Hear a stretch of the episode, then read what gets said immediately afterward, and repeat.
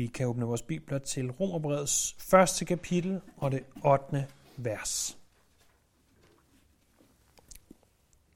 Her skriver Paulus.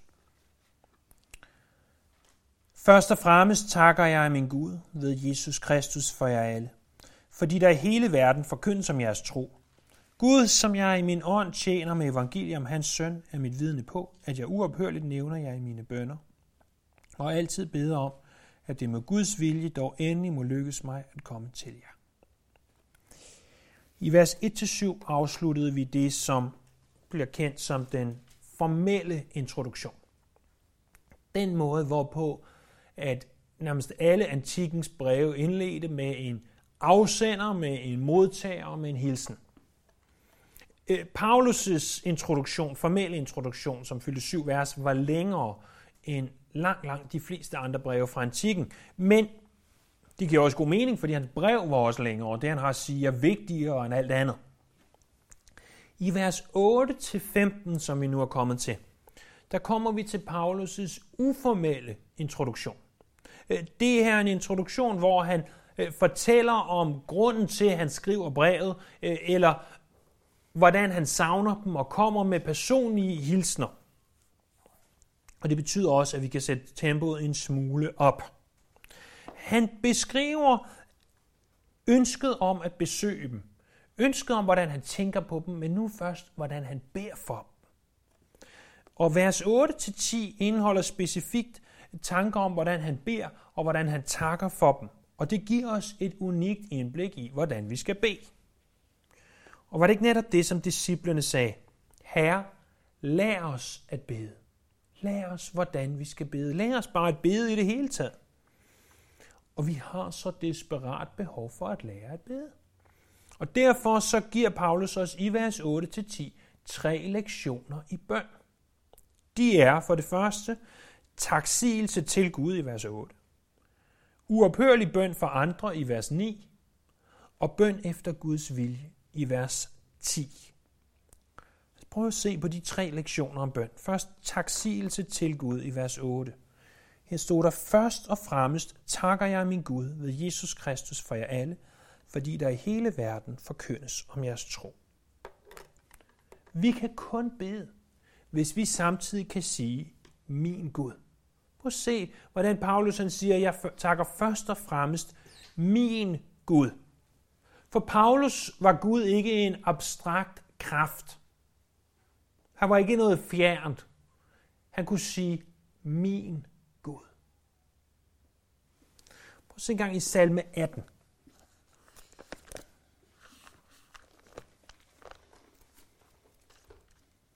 Den 18. salme.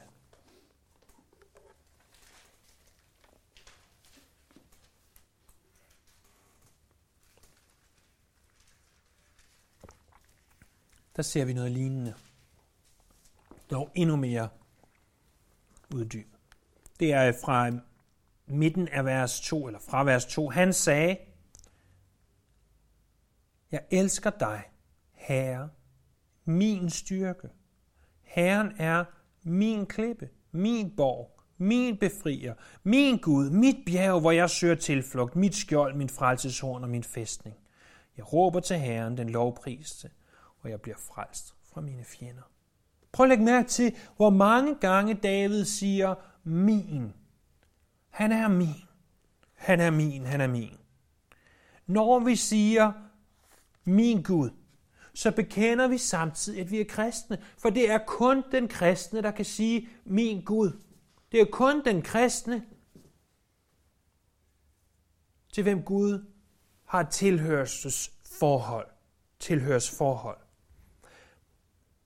Fordi for den kristne bliver forholdet til Gud et personligt og et intimt forhold.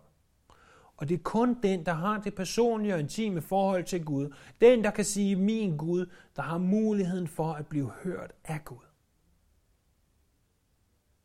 Jesus sagde, min fader. Det er fuldstændig samme tanke.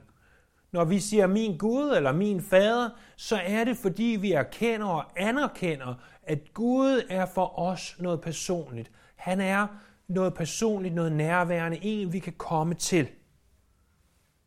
Og her stille spørgsmålet. kan du sige, min Gud? Eller min far? Når du beder, kan du så sige, ikke at du nødvendigvis bruger ordene, men kan du sige min Gud? Når vi takker Gud, må vi så først og fremmest takke min Gud. Når vi takker Gud, så må bønden også altid ske ved Jesus Kristus. Se, han siger, først og fremmest takker jeg min Gud ved Jesus Kristus. Når jeg tænker på Paulus, så tænker jeg på en mægtig troskæmpe. På en mand, som bliver et forbillede for alle os andre. Et ideal, som øh, vi på mange måder ønsker at leve op til. Men ikke engang den store Paulus kunne nærme sig faderen, undtagen igennem Jesus Kristus. Jesus han er ikke alene mellemmand for vores frelse. Jesus er også mellemmand for vores bønder. Donald Gray Barnhouse skriver i sin bibelkommentar over Romerbrevet, at hvis vi går uden om Jesus i bønden, så vil det svare til at gå ned i banken, sige, goddag kære bankmand, kan jeg bede om et banklån? Hov, i øvrigt så så jeg øh, din søn, den skøgeunge, på vejen ind i banken. Vi fornærmer faderen, når vi forsøger at gå til faderen uden om sønnen. Vi beder til faderen ved sønnen. Det er ved Jesus Kristus. Det betyder ikke, at alle vores bønder behøver blive formaliseret på en bestemt måde. Men du bliver nødt til at have den forståelse, at når du beder, så beder du til faderen igennem sønnen, ved sønnen. Og indimellem er det okay, og er det godt og sundt at sige, det her er ved søn. Det er også derfor, at mange af os, når vi afslutter en bøn, siger, alt det beder vi i Jesu navn, eller ved Jesu navn. Fordi vi anerkender, at vi har ikke retten til at komme til faderen, undtagen igennem sønnen. Det er ved Jesu blod, at vi har frimodighed. Som der står i Hebræerbrevets 10. kapitel. Den tredje ting om den her taksigelse, som vi ser i vers 8, det er, at den er ganske essentiel i bøn. Han siger, jeg takker min Gud. Først og fremmest takker jeg min Gud. Det gør han i ganske mange af sine breve, ham her, Paulus. Det er jo også det, vi synger, når vi synger sangen om alle gode gaver. Vi synger alle gode gaver og kommer oven ned. Men hvad synger vi så mere? Så synger vi, så tak da Gud, jeg pris dog Gud for al hans kærlighed. Vi takker og priser Gud for hans kærlighed. Vi takker og priser ham for alt det, han giver os. Vi takker og priser ham, fordi at han både sender frosten og sneen til at beskytte jorden, og han sender tøen og solen til at optø den igen. Vi takker ham, fordi at han er så god imod os. Når Paulus skriver først og fremmest, takker jeg Gud, så siger han ikke først og fremmest, takkede jeg Gud, da jeg i forgårs nævnte jeg i mine bønder. Når han beskriver først og fremmest, takker jeg Gud, så er det noget, han gør lige her og nu. Så er det noget, han gør i den her stund. Så er det noget, han gør i det her øjeblik. At i det, han dikterer brevet, for det gjorde han formodentlig, dikterer brevet for en, der nedskriver det, så siger han, først og fremmest takker jeg Gud, og måske er han da udbrudt i bøn. Åh Gud, jeg takker for menigheden i Rom. Jeg priser dig for menigheden i Rom. Skriv det, siger han så. Skriv, at jeg takker for dem. Og der står også, jeg takker min Gud ved Jesus Kristus. For dem, som jeg er gode venner med. Dem, som jeg er enige med. Dem, som jeg kan lide. Nej vel? Jeg takker Gud for jer alle. For alle de kristne i Rom. Dem han var venner med, dem han ikke var venner med. Dem han kendte, dem han ikke kendte. Hver og en af dem, dem takker han for. Og det viser os, at når vi er kristne, så er der et bånd, der binder os sammen. At selvom du aldrig har mødt en anden kristen, hvis den person er en kristen, så har du et bånd, et familieskab med den person.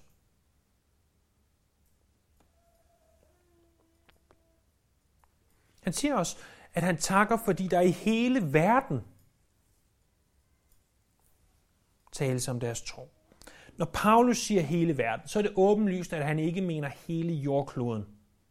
Fordi på det her tidspunkt levede der også mennesker i Kina, og menneskene i Kina havde næppe hørt øh, om de kristne i Rom, sågar om byen Rom nødvendigvis. Måske nogle få havde, der havde været handelsrejsende, men langt fra alle kendte til Rom, og slet ikke til de kristne i Rom. Så når han siger i hele verden, så betyder det, at uanset hvor Paulus satte sine fødder, om det var i Efesus, om det var i Korinth, om det var i Jerusalem, så var der andre kristne der, der sagde, har I hørt det? Har I hørt det? At selv i den store, mægtige Rom, der er der mennesker.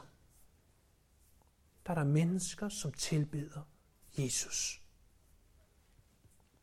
Og hvad er det, han takker for? Han takker, fordi der i hele verden forkyndes om jeres tro.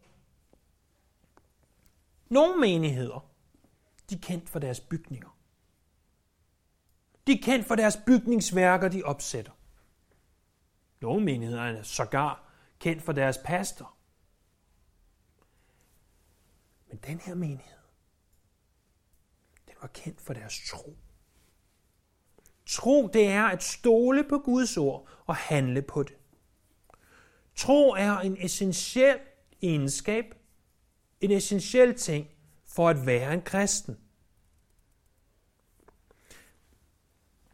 Når man læser bibelkommentarer over Romerbrevet, så læser man, eller jeg tit bibelkommentarer, der er både 25, 50, 75, sågar over 100 år gamle. En af dem, han skrev, Tænk sig, at hele verden havde hørt om deres tro, uden telegraf, aviser eller radio.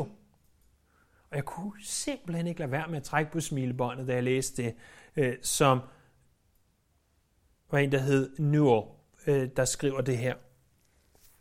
Jeg tænkte, telegraf, ikke så populært mere, aviser, faktisk heller ikke voldsomt populært mere, radio, det bruges man mest til at spille musik i.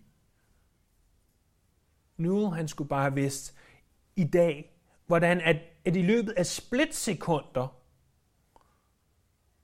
kan mine venner og venners venners venners venner vide, hvad fik til morgenmad i dag.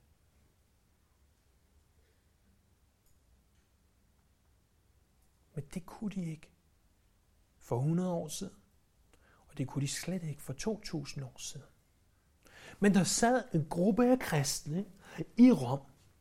Og den gruppe af kristne, de levede så tæt på Jesus, at den måde, de levede deres liv på, blev fortalt om i Athen, i Antiochia, i Jerusalem, i Korinth, i Efesus.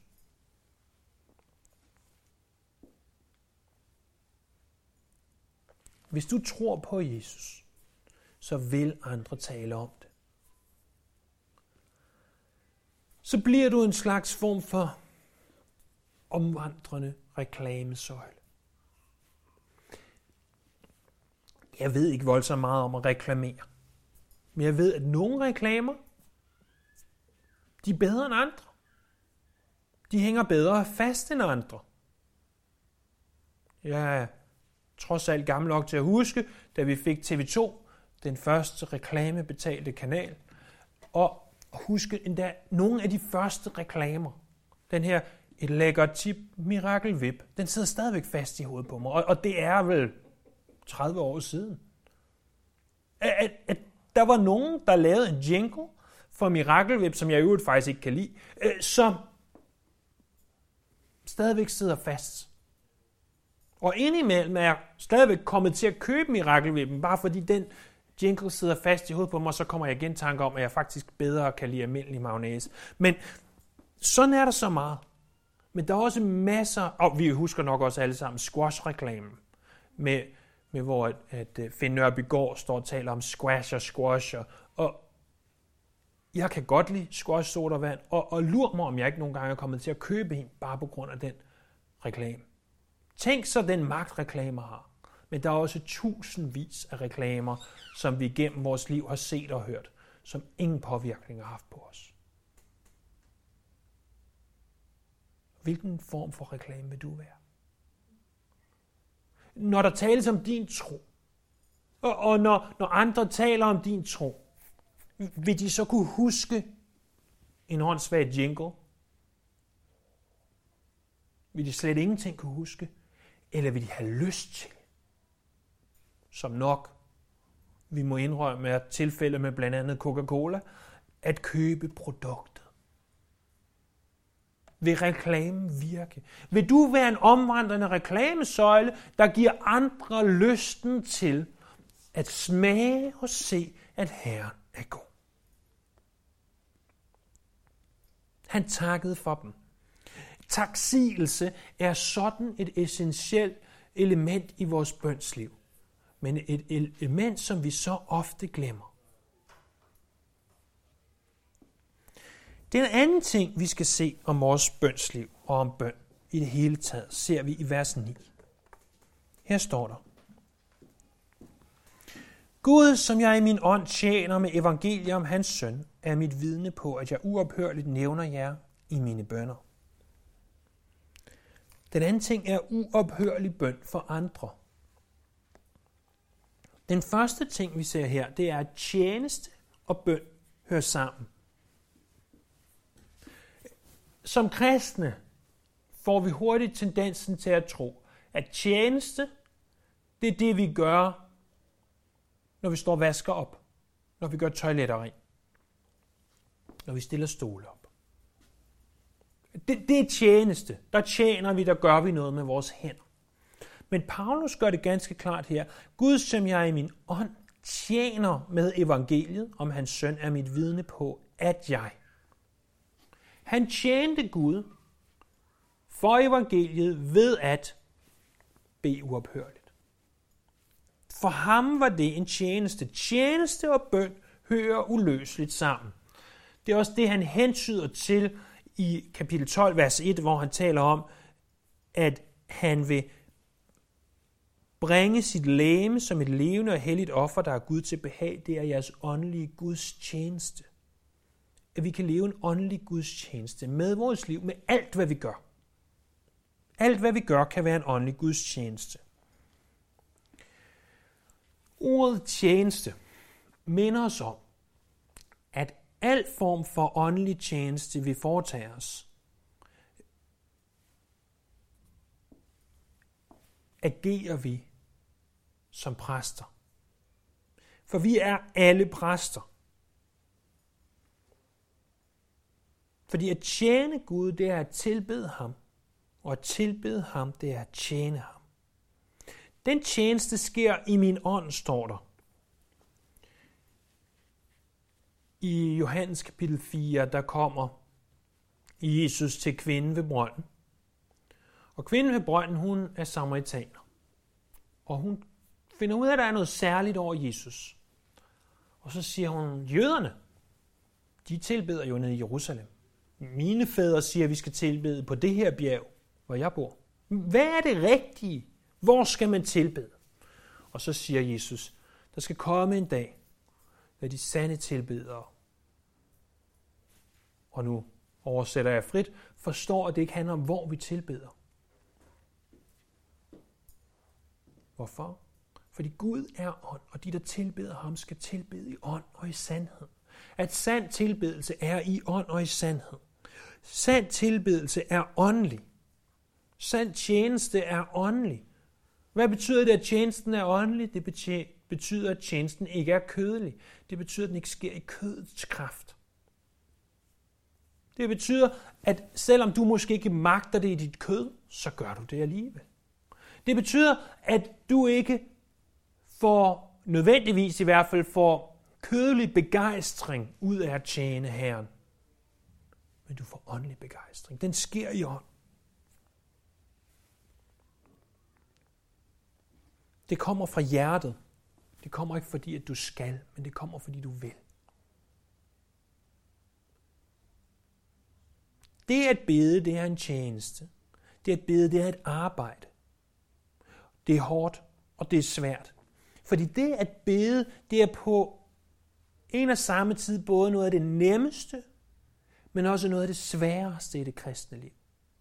Det er noget af det nemmeste, fordi vi kan alle sammen råbe, hjælp mig Gud, som Peter gjorde det, da han gik på vandet. Hjælp, Jesus! Det, det er ikke svært at råbe hjælp. Det er nemt. Men samtidig er det svært at bede. Fordi alt i os,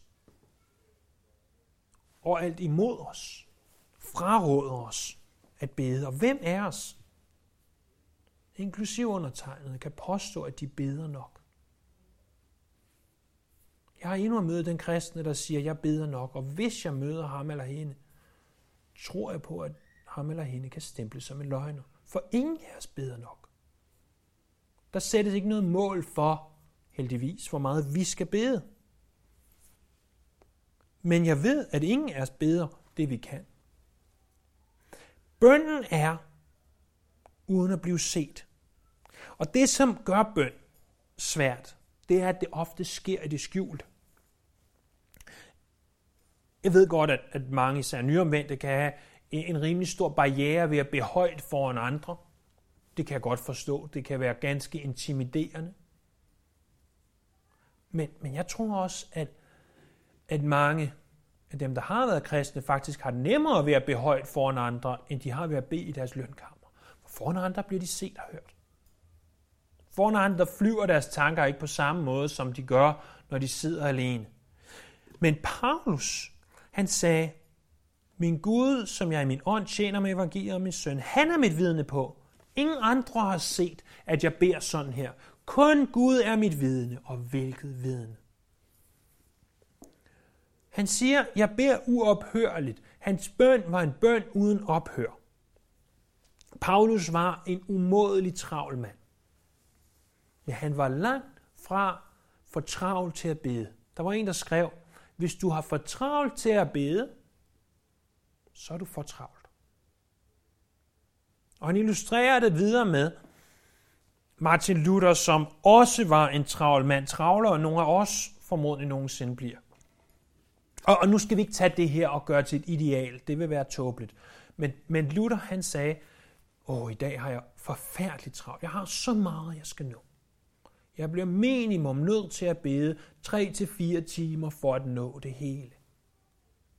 Og det er ikke sikkert, det er dig eller mig. Men det er godt nok tankevækkende,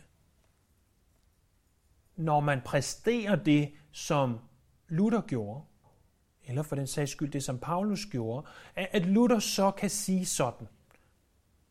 Og jeg læser det og tænker, ja, det er rigtigt, og jeg er en klaphat til at praktisere det.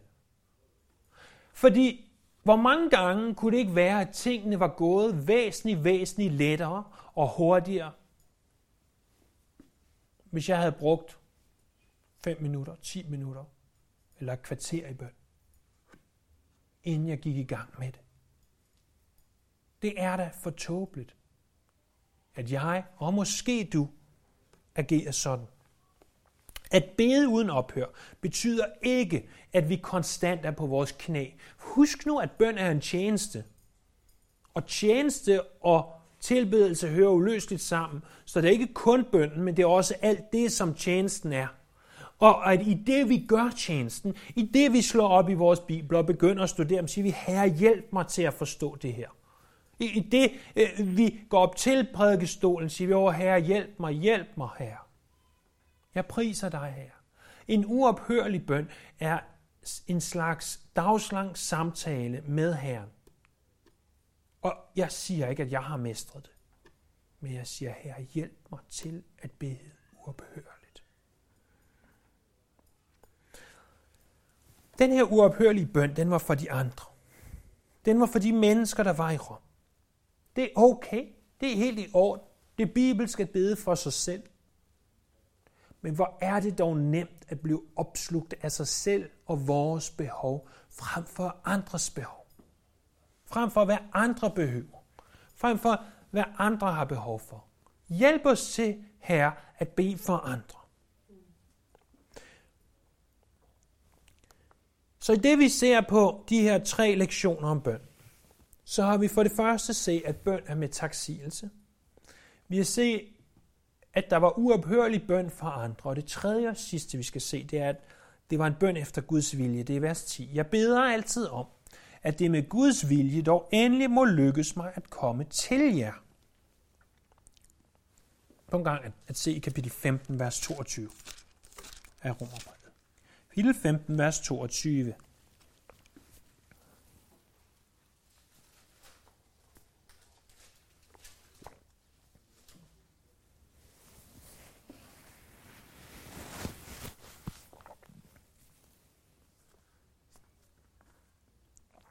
Det er også grunden til, at jeg gang på gang er blevet forhindret i at komme til jer, men nu, da jeg ikke længere har noget virkefelt under disse himmelstrøg, og jeg flere år har længtes efter at besøge jer, vil jeg gøre det, når jeg rejser til Spanien. Jeg håber nemlig at få jer at se på gennemrejse og blive hjulpet videre derhen af jer, når jeg først i, øh, i, i nogen måde har fået stillet min længsel efter jer. Men nu rejser jeg til Jerusalem med hjælp til de hellige. Makedonien og Akaja har nemlig besluttet osv. Paulus havde et ønske om at rejse til Rom. Et, et brændende ønske. Fordi han havde hørt, der var kristne der, og han ville så gerne besøge de her kristne. Og vi har allerede, øh, eller vi kommer til at se, at han håber på at kunne give dem øh, en åndelig gave. Han håber på at, at kunne opbygge dem i troen. Det, det ser vi videre i kapitel 1 øh, næste gang. For Paulus, der var det rigtigt at tage til Rom. Men det var kun rigtigt at tage derhen, hvis det var Guds vilje. Og det giver os en rimelig god lektion i, hvordan vi kender Guds vilje. Jeg kan huske helt tilbage fra da jeg øh, selv var blevet omvendt og begyndt at studere Bibelen, at, at det her spørgsmål om, hvad er Guds vilje for mit liv, det fyldte ganske meget. Og det tror jeg er sandt for mange af os. Øh, Måske mest i vores yngre år, men, men i det hele taget, for der er jo masser af ting, som vi er nødt til at se, hvad er Guds vilje i vores liv? For det første, har vi et ønske i vores hjerte. Paulus havde et ønske om at rejse til Rom. Har du et ønske i dit hjerte, så kan det være det fra Gud. Hvis du har ønsket i dit hjerte, så det næste, du må gøre, det er at bruge din gudgivende forstand. Gud har givet dig en hjerne. Han har givet dig en forstand til at tænke, øh, giver det her mening? Giver det mening for mig, Paulus, at rejse fra, hvor jeg er nu, til Rom? Øh, vil, vil, vil jeg kunne få noget ud af det? Vil jeg kunne give dem noget? Øh, vil det være muligt? Øh, er det muligt på det her tidspunkt i mit liv? Ja, men det er det måske. Og, og, og endda, som, som en forfatter sagde, jamen, du kunne gøre det, du simpelthen lavede sådan en, en for- og imod liste. Øh, det vil ikke være forkert, det vil ikke være uåndeligt at sige, hvad har jeg for at rejse til Rom, hvad er der imod at rejse til Rom? Måske har Paulusen da gjort det. Det kunne måske endda være at spørge andre til råds. Vil det give mening at rejse til Rom? Vil jeg øh, blive velmødt i Rom? Vil, vil de tage imod mig? Øh, vil jeg kunne give dem noget i Rom, eller ved de allerede alt? Den næste ting, det er, er der en åben dør? Er der en mulighed for at tage til Rom? Er der et skib, der sejler derhen? Er der andre, jeg kan følges med? Øh, er, er, er det nu i mit liv? Og hvis det skulle være for os selv, jamen, har jeg lige stiftet familie? Har jeg små børn? Så er det måske ikke lige nu, jeg skal i citationstegn rejse til Rom. Øh, øh, har jeg et job, jeg ikke lige kan, kan afslutte nu, jamen så er det måske ikke nu, at jeg skal rejse til Rom. Men, men hvis den åbne dør er der, så er det måske Guds vilje. Og det kan være, at det virker rigtigt i dit hjerte. Det kan være, at det giver mening i dit eget hoved. Det kan være, at der endda er en åben dør. Men der er en sidste ting. Det er, at Gud ikke har sagt, vær så god. At han ikke har sagt, nu kører det. Martin Lloyd Jones illustrerer det sådan her. Han siger, forestil jer et tog. Et, det, er, det er altså 50 år siden. Så han siger, forestil jer et tog, hvor kedlerne er tændt, og, og de holder klar på perronen til at køre. Der er ikke andre foran det. Døren er åben, skinnerne er åbne. Toget er tændt.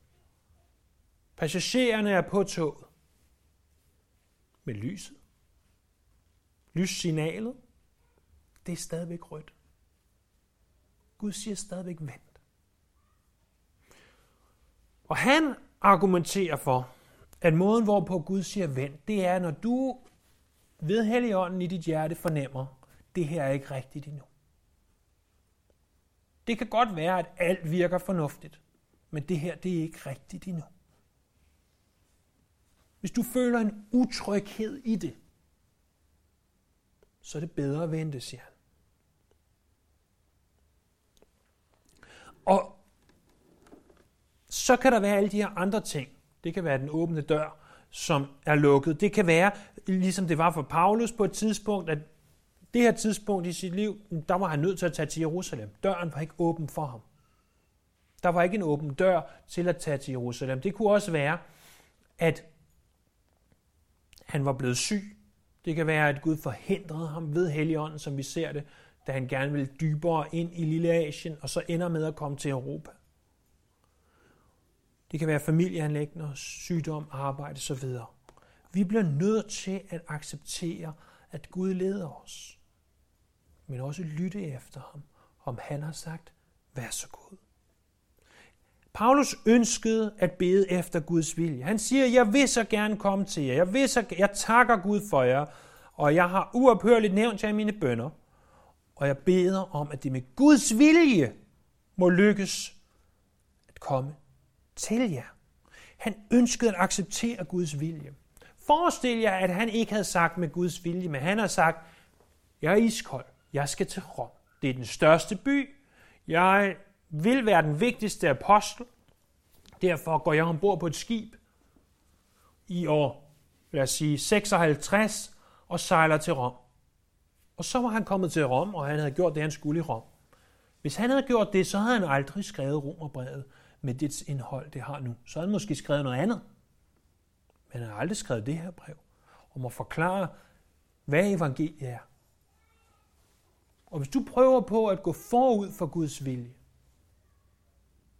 så kan det være, at der er en ting, som han ønsker, du skulle have gjort, som du ender med ikke at gøre.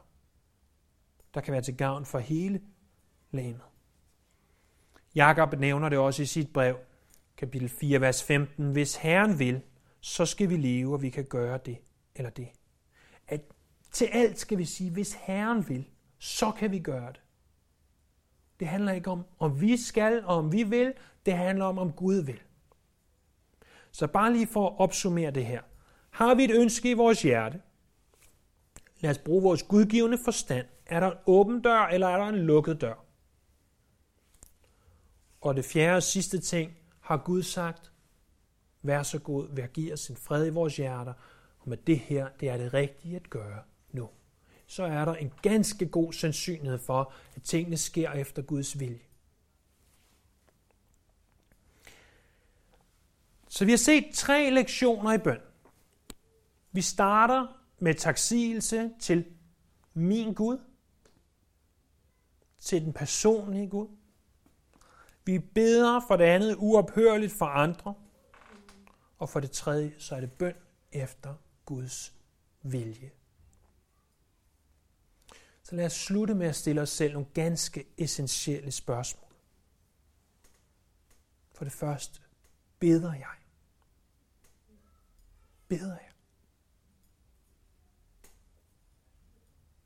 For det andet, takker jeg ham for alt det, som han sender min vej? Når vi sang den her sang tidligere, vi pløjede og vi såede, og vi tænker på sneen. Ja, sne er smukt, men sne er også ganske besværligt.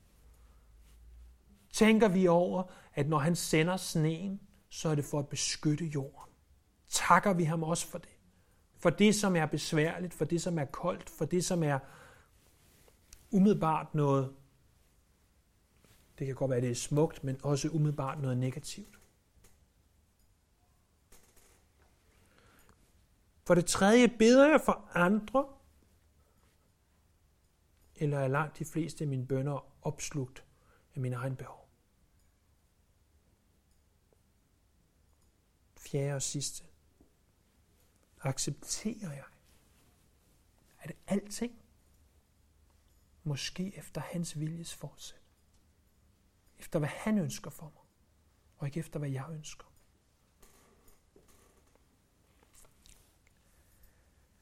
Og lad os med det bede. Herre, min Gud, vi kommer til dig ved Jesus Kristus. Vi kommer, fordi vi godt ved, at vi ikke selv er værdige. Men at du, Jesus, har banet vejen for os.